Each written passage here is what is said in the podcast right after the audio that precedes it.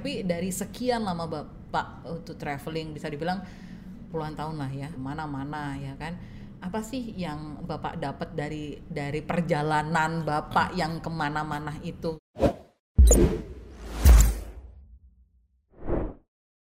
Mau tahu tipsnya cari tiket murah? Yes, ini yang saya tunggu. Satu, perginya ke mana? Eh, yang biasanya sangat mahal sekali itu adalah ke Jakarta Bali. Itu mahal Oke, banget. Jakarta, Bali. Kita harus- ngerti Bali ini kota apa? Tempat apa Bali ini? Tempat wisata. Tempat wisata. Ramenya tempat wisata hari apa? Sabtu Minggu. Nah, kalau ekonomi kan supply and demand. Mm-mm. Kalau pas lagi Sabtu Minggu rame, Mm-mm. pergi ke sana Sabtu Minggu, kira-kira harga tiket murah ada nggak? Gak ada juga sih. Nah, kenapa nggak ada? Karena. Demandnya betul. Oh. Nah, itu harga tiket ke Bali yang paling murah kapan? Hari Senin mungkin Selasa. Hari Minggu Kok bisa? karena pesawat harus terbang ke sana menjemput yang arus balik. Kalau pulang dari hari Minggu, hari Minggu pulang kan? Heeh. Hari Minggu pulang itu pasti maunya yang malam-malam. Nggak ada hari Minggu. Hari Minggu saya pulangnya pagi-pagi deh, jarang. Orang mau puas-puasin dulu sampai malam. Karena pesawat penuh malam itu, jadi dari Jakarta ke sananya kosong. Itu harga bisa paling murah. Itu satu. Oke. Kedua, pokoknya ngelawan arus aja. Ngelawan arus. Rahasianya adalah ngelawan arus. Iya. Melawan arus. ya. Oke. Kapan lagi melawan arus gitu ya? Saya maunya hari Jumat, nggak bisa hari lain, ya Iya, kan? Hari Jumat. Iya, hari Jumat pagi-pagi, first flight. Mahal dong. Enggak, murah. Jam 4 subuh. Oh iya, iya, oke.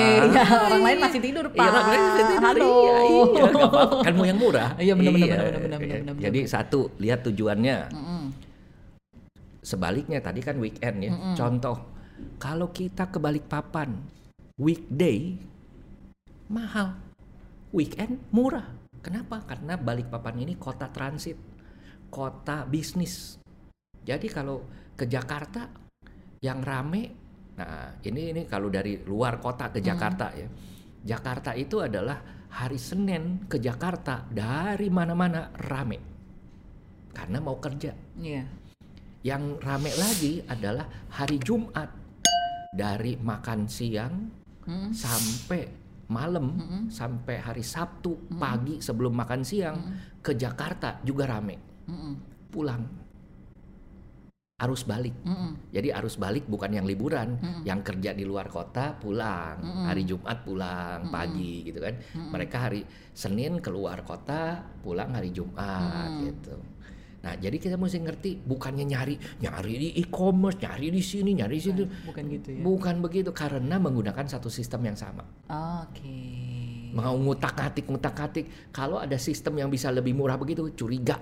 Ketiga adalah airline-nya. Oke. Airline-nya udah jelas. Hot, eh, airline A, airline B, airline C ini punya masing-masing. Mm-mm. Kita ada sekarang low cost. Mm-mm. Low cost AA tuh. Nah, ini Yang warna merah tuh. ini lagi murah-murahnya. Kenapa? Dia tuh lagi ngambek. Kenapa? Tidak dijual oleh OTA. Oh iya benar. Nah, jadi dia merasa, ayo kita jalan deh. Nah, ini kan bagus. Kita mah seneng kalau airline marah-marah, jadi kita yang dapat untung. Iya, bener. Iya. Nah, ini lucu. Saya pernah terbang dari Jakarta Solo, Mm-mm. 390 ribu one way. Pesawat nextnya berapa? Yang lain yang paling mahal 1,2. Saya bilang keterlaluan 1,2 dengan 390. Jauh. Aduh, nyampe nya sama. Mm. Isinya beda, pesawatnya sama. Pesawatnya buatannya sama, pabriknya dari sana-sana juga. Mm. Jadi Satu- Bapak milih yang mana? Eh yang murah tuh kalau bisa kalau bisa murah kenapa bisa ma- bayar mahal? Iya. Nah, ini ini saya udah melihat kayak sekarang dia terbang nanti 16 Maret kalau nggak salah Jakarta Medan. Harganya 650.000 ribu. Bener. Saya bilang mantap, mantap. Kenapa? Kita naik pesawat yang lain ke Medan ini adalah harganya udah di atas satu juta. Itu pun jarang banget. Yang seringnya adalah one way-nya 2 juta, 1,8. Saya selalu bilang, kalau mahal-mahal begini mau mau murah nggak? Jakarta, Kuala Lumpur, Kuala Lumpur, Medan. Nah, iya benar-benar benar teman saya sering kayak begitu, Jadi benar-benar benar. terbang ke Medan bawa paspor. Ah, iya benar. Itu Ribet sebenarnya. Eh, Tapi teman saya seneng. Saya bilang ke dia, eh kita ketemu ke, di Surabaya. Oke, saya terbang Jakarta Surabaya. Heeh. Dia bilang, gua mampir Pineng dulu ya. Terus saya bilang, ini lagi pagi nih, pagi-pagi berangkat sama-sama, berangkat sama-sama. Terus saya bilang, kan kita ada appointment. Iya, beda 4 jam. Oke, memang dari awal dia udah ngomong pesawat dia dalam 4 jam, tapi eh, beda 4 jam dengan saya. Tapi dia kok berangkat paginya bareng-bareng. Lu kan 1,1 Jakarta Surabaya direct. Gue lewat Pineng, Pineng Surabaya, harganya 800 ribu. Luar biasa saya bilang. Nah ini memang tapi sekarang sudah mulai diperbaiki. Saya melihat harga-harga tiket udah mulai ada Perubahan. perubahan. Walaupun sedikit. Yang menyenangkan kemarin Pak Jokowi Oke. ya, bilang untuk sampai ke bulan Maret April ke- kita akan mensubsidi 30 persen. Oh, oke, kita tunggu wacananya. Iya, eh berarti kalau kayak gitu bisa dibilang tahun ini adalah tahun yang memang cocok banget untuk pergi ke atau liburan. Every year is a good year. Iya dong. Iya, itu prinsip tukang jalan-jalan ya. Kalau prinsip tukang jalan-jalan hari ini lebih baik daripada tahun kemarin terus gimana? Jangan.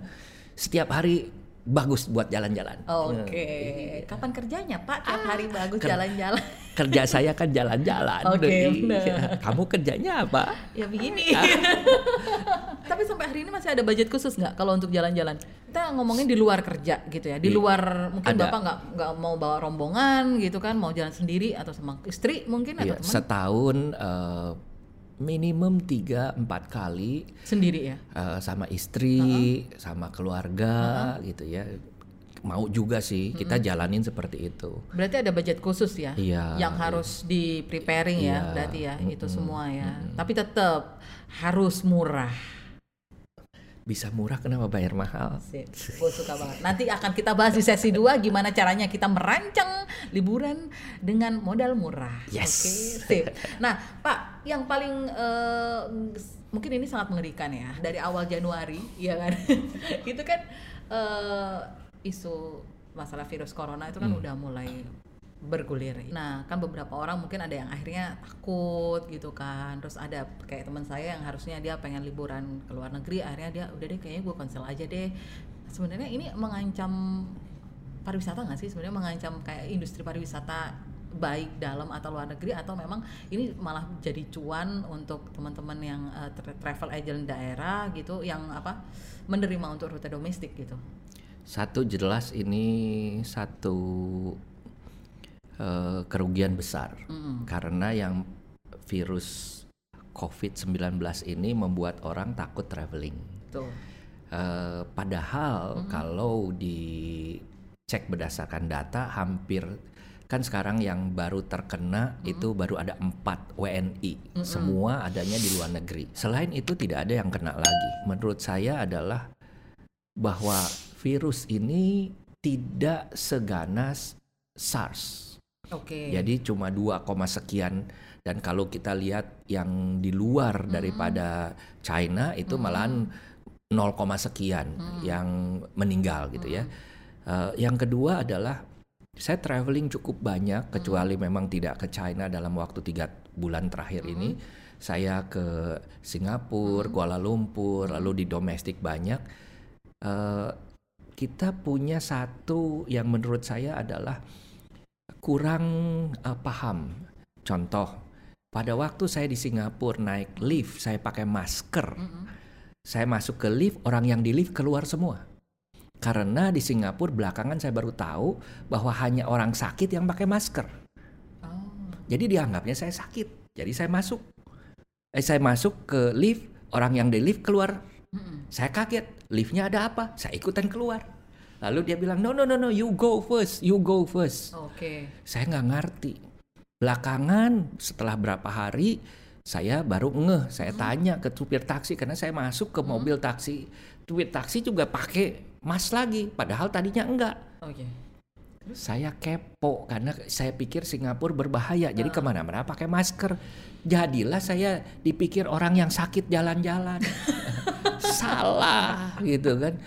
Nah, lalu sebaliknya di Indonesia bagaimana? Nah, di Indonesia ini menarik. Saya jalan di airport segala macam banyak yang pakai masker. Tetapi di luar airport tidak ada. Dan menurut saya adalah pemakaian masker itu sendiri harus jelas. Yang kedua adalah bahwa ternyata kan orang Indonesia di Indonesia tidak ada yang kena satupun. Artinya eh, kalau kalau kita bilang joknya adalah kita punya badan udah lebih kuat imun terhadap virus yang namanya cuma COVID-19 gitu kan ya. Tapi kenyataan yang lain adalah bahwa yang sembuh lebih banyak daripada yang meninggal Oke. ribuan orang yang kena di luar di luar eh, China sana yang meninggal kan cuma sedikit. Nah, jadi yang penting kita ngapain gitu kan? Badan sehat.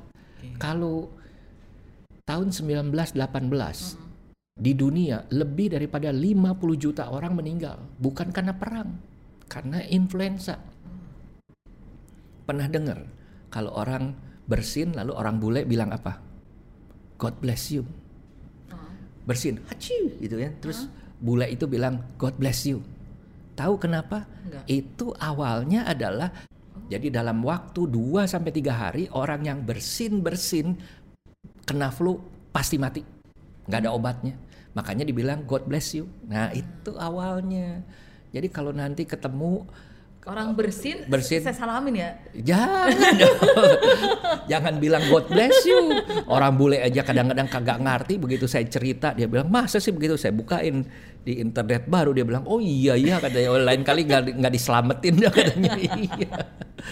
Oke, tapi kalau kayak gitu eh, aman-aman saja. Aman Untuk aja. saat ini kita traveling ke mana pun, nggak usah ke domestik pun. Kalau kita mau ke luar negeri juga oke-oke aja. Aman. Cuma memang yang jadi nggak enak itu adalah coba bayangin ya masuk ke satu misalnya saya saya bicara eh, ke Singapura aja. Ke Singapura itu semua orang di bandaranya dan di pesawatnya krunya eh, pakai masker semua. Ya kita menjadi merasa risih. Itu. Lalu kita masuk ke saya ke rumah sakit di Singapura. Saya masuk ke rumah sakit di rumah sakit nggak ada satupun yang pakai masker. Ya saya merasa risih saya sendiri yang pakai masker. Seperti kayak begitu. Jadi di jalan-jalan di Singapura nggak ada tapi di airport pakai masker. Jadi intinya satu jaga kesehatan dan ini adalah seperti kayak flu biasa. Makanya di Indonesia dikerokin aja udah sembuh. The power of kerokan ya kan. Oke, nah Pak, eh, Bapak ini kan udah jalan ke mana-mana, ya kan? Saya nggak tahu, mungkin dari ujung ke ujung, udah nyampe ujung. ujung utara sudah tapi ujung selatan belum Oke, paling jauh ujung selatannya mana? ujung selatan eh, ujung selatan benua udah kutub selatan yang belum Kutub Selatan. kutub utara udah Oke, soalnya ya. oke. Tapi dari sekian lama bapak untuk traveling bisa dibilang puluhan tahun lah ya, Iya. bapak sudah traveling ke mana-mana ya kan. Apa sih yang bapak dapat dari dari perjalanan bapak yang ke mana-mana itu gitu? saya seneng deng- saya seneng orangnya belajar Mm-mm.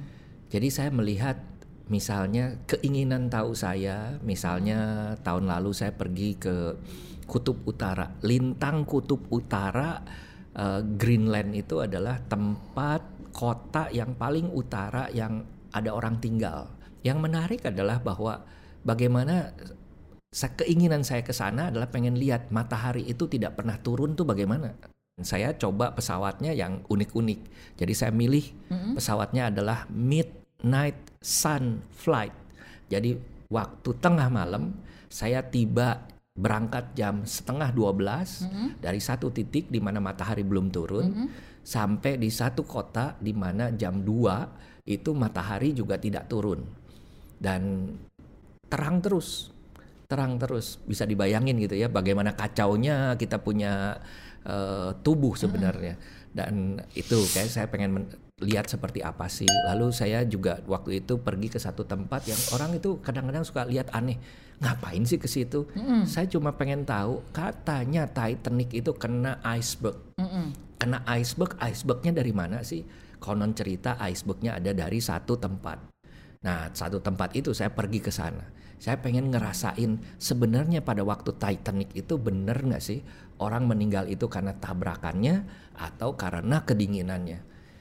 Saya melihat ternyata banyak tulisan-tulisan yang mengatakan bahwa bukan karena tabrakannya orang banyak yang meninggal, tapi karena memang udaranya Dingin yang banget. super dingin, super dingin, iya. Oh, jadi- Minus 30, minus 40. Saya pernah pergi ke tempat yang eh, saya seneng selfie, cekrek bisa.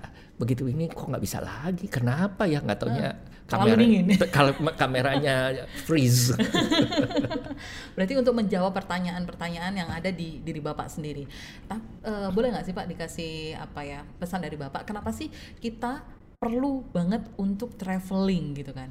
Ada semangat untuk nabung, semangat untuk bekerja supaya dapat duit, lalu kita pergi.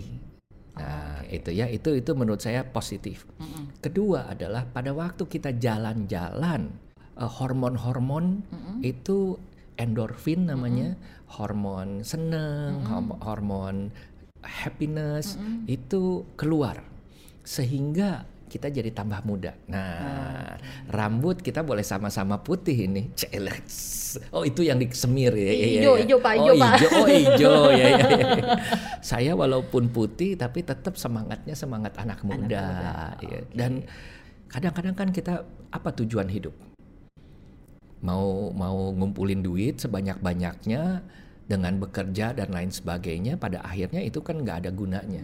Dan apa yang saya lakukan saya lebih suka adalah ngumpulin duit itu untuk jalan-jalan. Jadi saya mencoba sekarang itu mungkin udah hampir 10 lebih dari 10 tahun terakhir saya tiap kali pergi adalah pergi ke tempat sesuatu yang baru terus.